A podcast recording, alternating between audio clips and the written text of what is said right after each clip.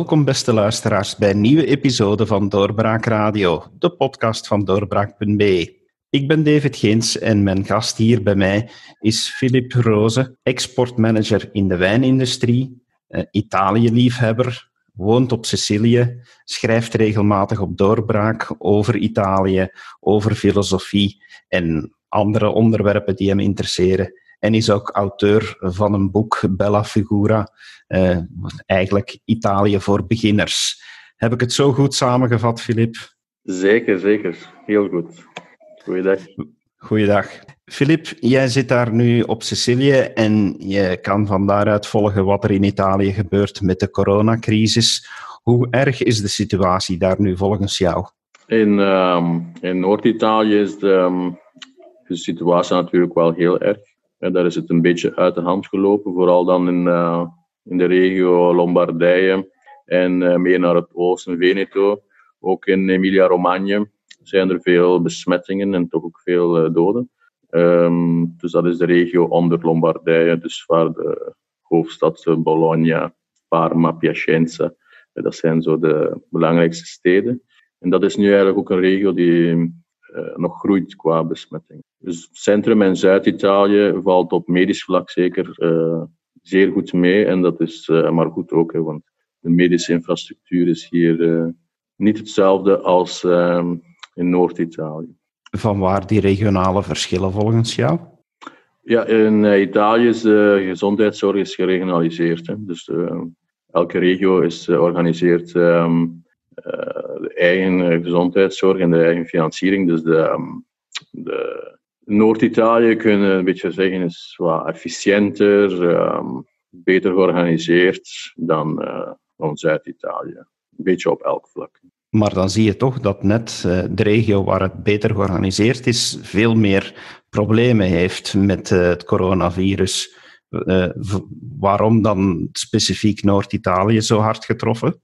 Ja, dus um, dat is vooral voornamelijk denk ik omwille van ja, Lombardije is een, is een beetje het, um, kunnen zeggen, de industriële motor hè, en de commerciële motor van, um, van Italië. Dus heel internationaal en veel internationaal verkeer. Veel, uh, een grote Chinese uh, bevolking. Hè, dus het was niet verwonderlijk dat daar juist de eerste besmettingen ook zijn uh, vastgesteld. Um, men heeft in Italië natuurlijk veel te laat ingegrepen, waardoor alles is kunnen escaleren. Um, Um, waarom Bergamo en Brescia vandaag eigenlijk het epicentrum is, komt voornamelijk, mm, dat is een, uh, toch ja, een, een, theorie die, die wordt bevestigd door de voetbalmatch uh, Atalanta-Valencia, waar uh, toen ja, zo rond de 40.000 um, Atalanta-fans, dat is de voetbalploeg van Bergamo, bijeengekomen zijn. En dat is eigenlijk een regelrecht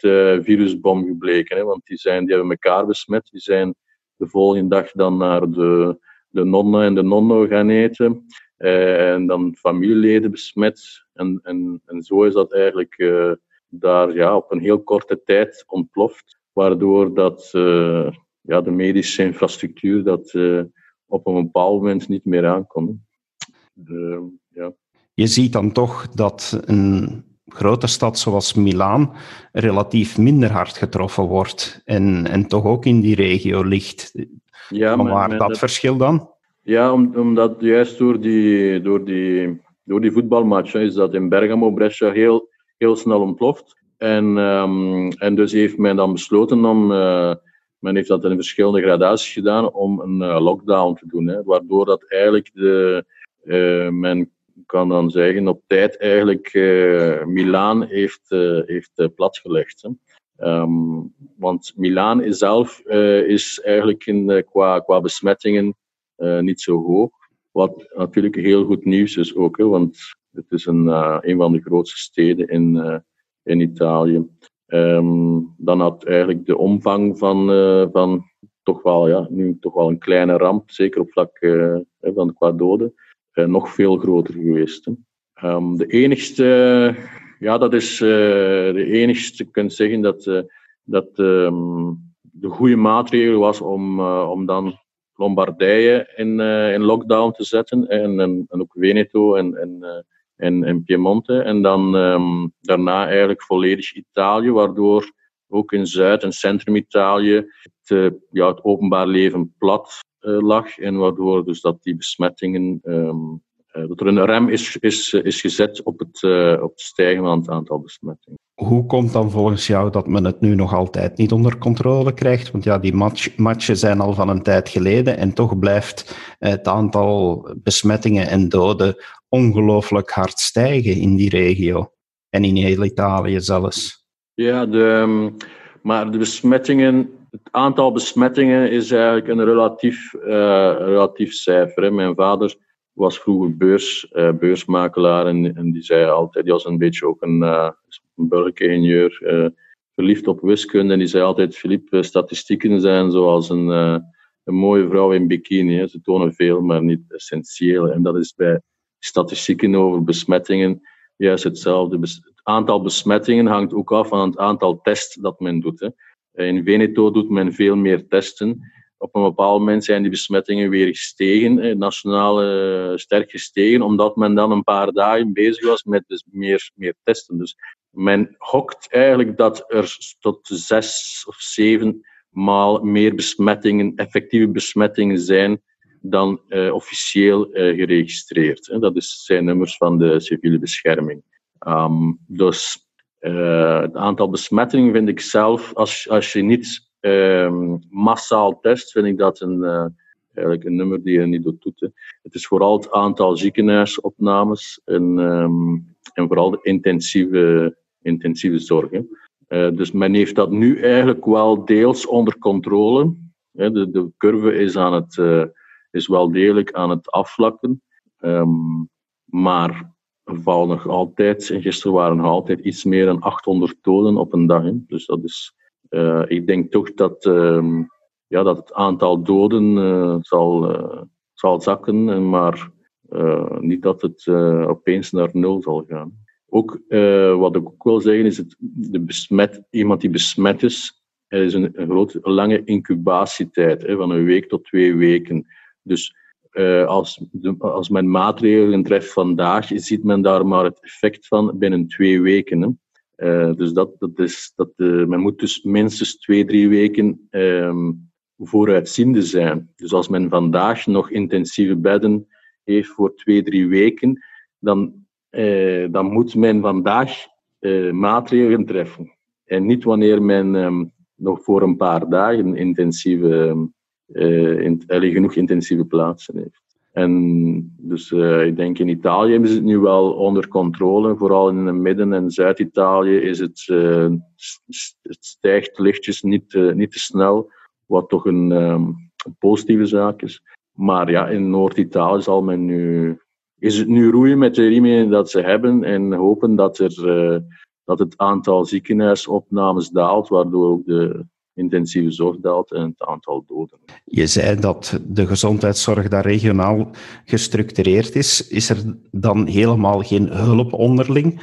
Want als dan het noorden zo hard getroffen is, eh, wordt er dan niet, eh, worden er dan geen patiënten getransfereerd van het noorden naar, naar midden- en zuiden-Italië, waar er nog meer beddencapaciteit is? Ja, er zijn, uh, er zijn patiënten die die vervoerd zijn met militaire vliegtuigen naar een andere regio. Uh, men heeft overal de capaciteit ook van intensieve sterk verhoogd. In Milaan heeft men de, de Expo in Ro, in Milaan Ro, heeft men um, een nieuw um, ziekenhuis uh, geïnstalleerd in de Expo voor meer dan 500 patiënten. Dus men, heeft wel, men doet wel degelijk veel. Um, en dat is allemaal onder nationale coördinatie van de civiele bescherming. Dus men, men, is wel een nationale coördinatie van, uh, van deze crisis. Hè. Er is wel in het begin een beetje spanning geweest tussen het nationale, dus het federale, dus premier Conte, en de regionale, um, regionale um, minister-presidenten. Uh, in Italië noemen ze dat dan uh, gouverneurs. Um, vooral in het begin. Nu, is die, nu moet ik zeggen dat de coördinatie nationaal verloopt. Premier Conte spreekt elke dag op tv. Eh, met, eh, met wat eh, de nieuwe maatregelen zijn, steunmaatregelen voor de economie, voor de sociale sector, et cetera. Ehm, maar de effectieve uitvoering gebeurt door de regionale, regionale minister-president. In het begin was er wat spanning, ook omdat, omdat zowel de minister-president van Lombardije, van, van Piemonte, van Veneto, zijn, uh, maken deel uit van de Lega, de, Lega, de ex-Lega Nord, de partij van Matteo Salvini, die niet in de regering zit. Dus um, dat was even uh, een, een, manier vinden om toch um, alles gecoördineerd te krijgen. De gezondheidszorg is, is regionaal georganiseerd, maar ieder Italiaan heeft, kan, um, heeft recht om te kiezen waar hij verzorgd wordt. Hè. Dus, dus niet dat ik, ik woon in Sicilië, ik kan, uh, ik, uh, ik kan mij ook laten verzorgen in Calabria bijvoorbeeld. Hè. Er is geen, um, de, de, de, dus, zonder, zonder onderscheid van uh, waar dat men woont. Natuurlijk is het logistiek interessanter om, om, om dicht bij waar men woont verzorgd te worden. Uh, er zijn ook een nationale financiering en er zijn nationale, um, hoe zal ik zeggen, prijsafspraken. Bijvoorbeeld, ik zeg nu maar iets, een, uh, een gebroken, het verzorgen van een gebroken been mag zoveel kosten. En dan komt de overheid tussen. Voor bijvoorbeeld, zeg nu maar iets, 1000 euro. Uh, als een regio 1500 uitgeeft, moeten ze die 500 zelf financieren. Verstaan. Dus de, de, zeg maar, de excellente regio's, die zijn, of de efficiëntere regio's, zullen natuurlijk uh, met, uh, met hetzelfde geld meer doen dan, uh, dan de minder efficiënte. Had men veel problemen kunnen vermijden door vroeger in te grijpen?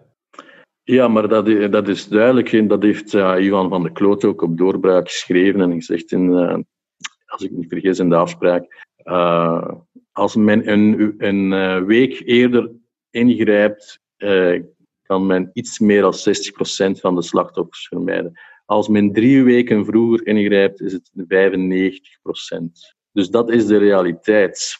Dus dat zijn wetenschappelijke studies. Hè? Dus het is niet iets dat ik uit mijn duim zeg. Ik citeer hier trouwens Ivan van de Kloot. Dus de, um, het was heel belangrijk om goed voorbereid te zijn, om, uh, om, om vooruitziend te zijn, om het aantal slachtoffers te kunnen beperken. Dus men heeft Italië heeft veel te laat ingegrepen.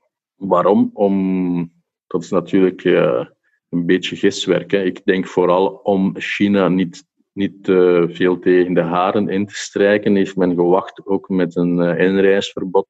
Men heeft ehm, eh, omdat Italië ook nu deel uitmaakt van de, de nieuwe zijderoute. Italië moet ook zijn, denk ook een deel van zijn staatsschuld slijten een beetje internationaal. En uh, economisch gaat het niet goed met Italië. Hè. Sinds 2000 is er bijna nul groei, als je de, de inflatie meerekent. Dus men, men, um, men wil, uh, men wil de, de, de, de goede band met China niet uh, onder druk zetten. En daarom heeft men volgens mij veel te laat uh, ingegrepen. Men had, en dat heb ik, heb ik ook op Twitter ge, gezegd, eind januari, eind januari, dat is twee, meer dan twee maanden geleden, heb ik geschreven dat ik de vraag gesteld waarom dat er nog geen inreisverbod was vanuit China. En eh, niet alleen voor Italië, maar voor de Europese Unie. Want natuurlijk, als Italië zegt, je mogen niemand meer binnen van China, maar ze gaan via Parijs en van Parijs naar Rome, zit je natuurlijk met hetzelfde... Dan moet je voor de hele Schengen, de Schengenzone toch al tenminste uh, een, um, een, een, inreisverbod uh, invoeren eind januari. niet eind februari. Dat is een beetje dezelfde discussie in, in België. Waarom, is, uh, waarom gingen mensen nog op reis gaan skiën? in, in, Zuid- in Noord-Italië, waar daarvan gebleken is dat het een van de grootste virushaarden was voor uh, Hans Europa.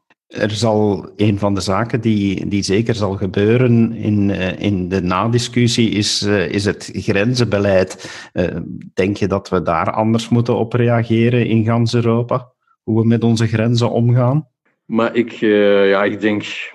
Ik, het is altijd een moeilijke discussie geweest natuurlijk, hè, want we zitten Grenzen, grenzen worden eh, een beetje, werden tot voor kort, ik denk dat nu natuurlijk de mensen een beetje duidelijk, duidelijk is dat grenzen ook een nut hebben. Hè. Maar we mogen niet vergeten met een discussie over de, hè, over de migratieproblematiek toen in, in 2015, 16. Hè, de, de wereld heeft, had geen grenzen volgens sommige progressieve en liberale wereldburgers. Terwijl vandaag de grenzen met Nederland toe zijn. Er staan containers op de weg. Dus men kan enerzijds niet zeggen dat er geen grenzen zijn en dan vandaag duidelijk maken dat er wel grenzen zijn. Er zijn natuurlijk grenzen. Ehm, zeker de, de Schengenzone, dat weet men al van 2014, 15, dat de Schengenzone zo, zo hoe zeg je dat, een, een zeef is. Hè. Dat is, dat, dat, er is geen grenscontrole. Ik reis al 15 jaar eh, de wereld rond. Als ik zie in Europa de, de, pas. Ik heb, al, ik heb al een paar keer met het. Um, al een paar keer ingecheckt in vliegtuigen binnenkomend in Schengen met, een, uh, met het ticket van iemand anders. Dus wij, allee, ik reis soms met, uh, met collega's, dat wij soms van ticket vergissen en dat ik met mijn ticket, met mijn identiteitskaart, met de naam van een, op het ticket van mijn collega, dat wij zomaar, zomaar binnen kunnen. Dus ik wil maar zeggen, die, die mm, grens, grenscontroles zijn nodig en al zeker in, in een noodsituatie. Um, dus uh, dat, dat lijkt mij de evidentie zelf natuurlijk. Hè. Maar niet om mensen buiten te sluiten. Hè. Bijvoorbeeld nu met, uh, met die ziekte, gewoon om te vermijden dus dat het een, uh, bijvoorbeeld een pandemie wordt. Hè, om mensenlevens te beschermen, economie te beschermen. Um, men had, men, uh, als China zelf niet, zijn grenzen niet wou sluiten, had men China moeten opleggen om zijn grenzen te sluiten. Punt. Dat is, dat is allemaal zo moeilijk niet. Maar men begint dan als kruideniers na te denken van hoeveel gaat mij dat kosten. en nu, na een maand, kost het het een veelvoud. Hè. Had men toen gedaan, had het misschien 10 miljard gekost. 5 miljard, ik weet het niet, ik, zeg maar iets. Vandaag we waren, ik weet als weet nog, we waren bezig over 12, 13 miljard begrotingstekort eh, een paar maanden geleden. Dat het een nationaal, eh, een, een, een, een zeer slecht, uh, zeer slecht rapport voor de regering, et cetera, et cetera. Vandaag spreken we dus over 50, 60 miljard schade. Hè, al vijf. We spreken allemaal niet meer over miljoenen, over 10 miljard. We spreken over 50 miljard of 60 miljard, afhankelijk van hoe lang dit, uh, dit nog zal duren. Dus ik denk, wat, ver, wat, verwacht men qua economie in Italië? Uh, worden daar al maatregelen genomen? Of uh, is het daar nog, ja, zegt men van, goed, dit is, het is verloren op dit moment?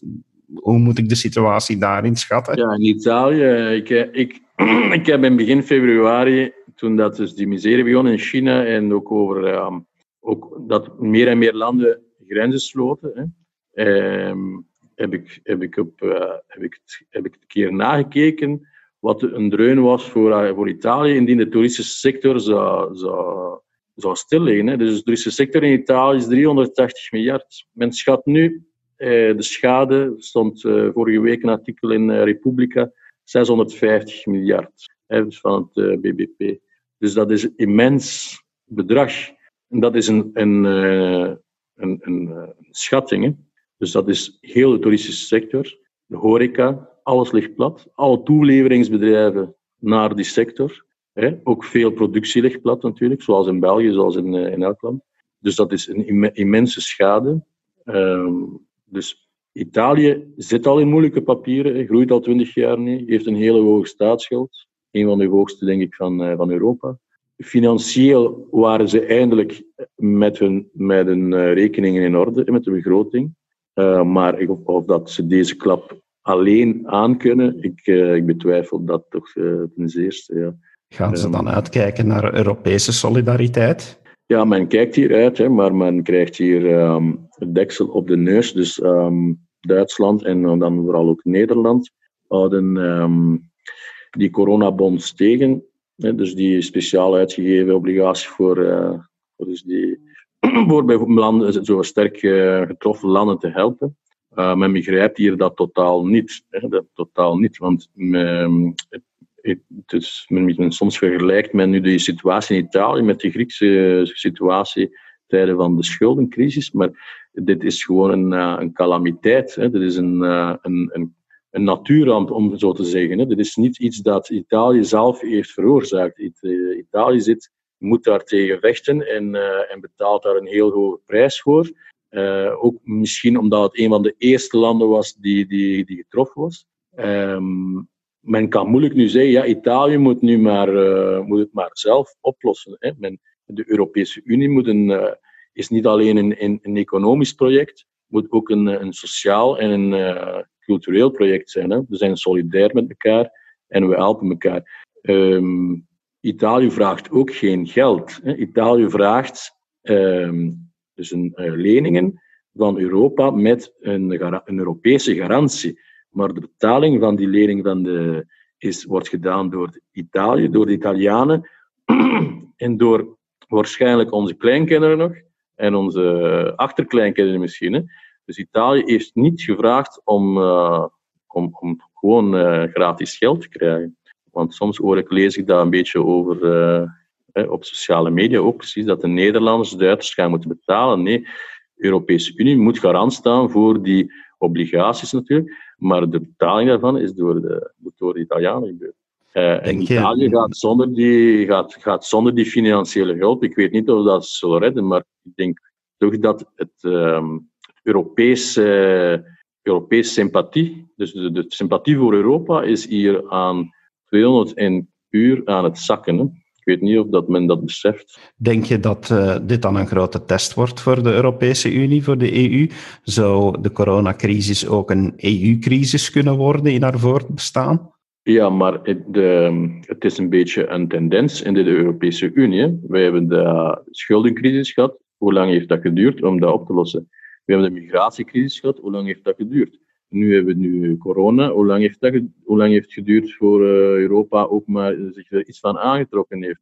He, men begint dan te zwaaien met een paar miljoen daar en een paar mondmaskers daar. Maar het gaat hier over 650 miljard alleen in Italië. Dan spreken we nog niet over Spanje, over Portugal, over Griekenland, over andere landen.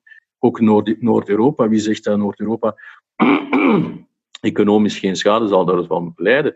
Um, het is een beetje altijd hetzelfde rieltje met de Europese Unie. Dus men komt altijd veel te laat. Ik heb in februari, ik heb in februari gezegd van kijk, dat gaat grote economische gevolgen hebben. Iwan van de Kloot heeft een artikel geschreven in februari. Wij, ik ben geen genie. Ik ben, ik ben gewoon iemand die veel kranten leest, zijn gezond verstand gebruikt. De Europese Unie had al in begin februari eh, moeten, eh, dat, dat, had daar een, een, alarmsignaal moeten afgaan van oei, dat gaat hier eh, miljarden, tientallen miljarden, honderd miljarden uh, kosten. Wat gaan we doen? Kom, we gaan al beginnen met uh, te denken van uh, verschillende scenario's hè, uit, te werken. Is het niet nodig? Tompie, is het wel nodig? We zijn voorbereid. Vandaag, we zijn bijna 1 april, is er nog altijd geen akkoord over. men heeft vlug, vlug nu de sociale economische fonds vlug, vlug uh, van, uh, van sociaal-economische um, steun veranderd naar steun voor corona. Maar dat is een, een druppel op een hete plaat. dus ik vind het, ik denk, als Italië niet wordt geholpen of niet genoeg, ja, dan gaat dat toch. Ja, ik weet niet welke gevolgen, ik heb geen glazen bol. Maar men gaat dat niet zomaar vergeten, dat is zeker. Het kan ook natuurlijk de, de anti-Europese of zeg maar euroceptische partijen uh, de wind in de zeilen, in de zeilen geven. En dan is het natuurlijk uh, met een andere pak mouwen natuurlijk. Als laatste vraag, als je nu van, van daaruit, van buitenaf een beetje kijkt naar hoe België de crisis aanpakt, uh, wat is jouw mening daarover? Doen we het goed of zitten we daar in hetzelfde schuitje als Italië? Ik denk dat de ziekenhuizen zeker goed voorbereid zijn. Niet qua materieel, want materieel natuurlijk, uh, daar zijn ze zelf niet voor verantwoordelijk. Het is duidelijk dus dat er veel medisch materieel tekort is, vooral dan mondmaskers en, uh, en beschermde kledij. dat is de verantwoordelijkheid van, uh, toch van Maggie de Blok, die totaal, totaal in de mist is ingegaan. Het is eigenlijk ja, ongelooflijk. Ik sta er soms van te kijken. ik denk dat België voor het uh, niet dezelfde fouten heeft gemaakt als Italië. Heeft wel te lang gewacht te traag ook beslist. Um, maar heeft een paar, um, hoe zal ik zeggen, fouten die Italië gemaakt heeft, niet gemaakt. Ik heb zelf ook met, uh, met mijn NVA-contacten uh, gemaild. Ik heb gezegd van, uh, doe de scholen dicht, maar zorg voor opvang. Zorg dat die kinderen niet naar de grootouders worden gezonden. Want kinderen besmetten grootouders. In Italië hebben ze de scholen gesloten um, en zijn die kinderen allemaal naar de grootouders gegaan. Dat heeft ook veel besmettingen veroorzaakt, in, vooral in Lombardije dan. België zal volgens mij niet zo hard getroffen worden, omdat er ook, eh, qua cultuur, ook een cultuurverschil is. Hè. In, um, in Italië wonen veel generaties bij elkaar. Hè. Ik woon op het achtste verdiep, mijn schoonouders wonen op het vijfde, mijn schoonbroer woont hier een straat verder. Wij wonen allemaal heel dicht bij elkaar. Hè. Er zijn ook heel weinig rusthuizen. Hè. Ouderen gaan inwonen bij een of uh, van hun kinderen. Dus de, de, het is een, een, andere familiale kunnen zeggen, structuur. wij zien ehm, onze ouders, schoonouders bijna dagelijks. Dus niet één keer in de drie weken of vier weken of één keer in de maand. Um, er is dagelijks fysiek contact ook. Italië is een, een, land van fysiek contact. Men kust, men, uh, men baci, hè, zoals ze zeggen. De oudere mensen gaan, gaan naar buiten, naar de bar. Dus komen andere oudere mensen tegen. Hè. Men doet een klapje. Um, men gaat in, in de stad gaan wandelen, de passeggiata.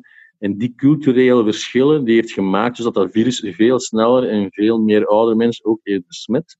Waar, en dat is dan enerzijds heel mooie culturele, sociaal-familiale traditie, die eigenlijk vandaag uh, de zaken erger heeft gemaakt. Dus dat is een beetje, een beetje jammer natuurlijk. Um, in, in België bestaat, die, die, is, is, die, is die sociale en familiale contacten veel losser, veel minder, minder um, hoe zeg ik zijn, hecht, waardoor eigenlijk die, die, die besmettingen ook veel, veel minder, um, hoe zal ik zeggen, op een, op een veel kortere tijd uh, de hoogte is ingeschoten.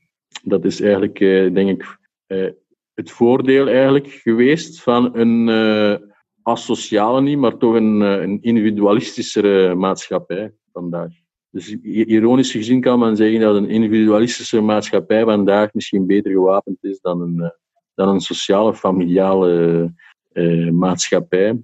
Dus um, Italië, Italië betaalt daar de rekening voor. Eh, op vlak van gezondheidszorg is er bijna geen verschil tussen Noord-Italië en, um, in Vlaanderen of België. Noord-Italië scoort zelfs hoger in, uh, in de OESO-rapporten dan, dan Vlaanderen. Dus er is lang ook gedacht, ik denk in de rest van Europa, ja, Italië, slecht georganiseerd, misschien geen, niet goed genoeg de gezondheidszorg, et cetera, maar dat is dus helemaal niet zo in de praktijk.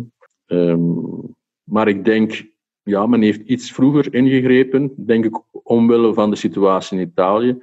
En dus dat is natuurlijk wel een, uh, een, een, goed, een zeer goede zaak geweest. Dus ik hoop dat het allemaal gaat meevallen in, uh, in België. En laten we hopen op het beste. We gaan dat inderdaad ook zo hopen. Filip, dank je wel voor uh, dit gesprek.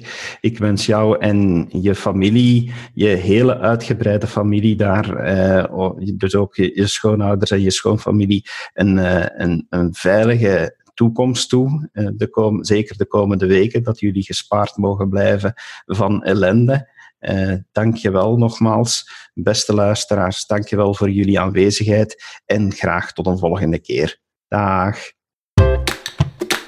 Dit was een episode van Doorbraak Radio, de podcast van doorbraak.be. Volg onze podcast op doorbraak.be/radio of via Apple Podcasts, Overcast of Spotify. Bezoek ook onze website op doorbraak.be en steun ons door een vriend te worden van Doorbraak.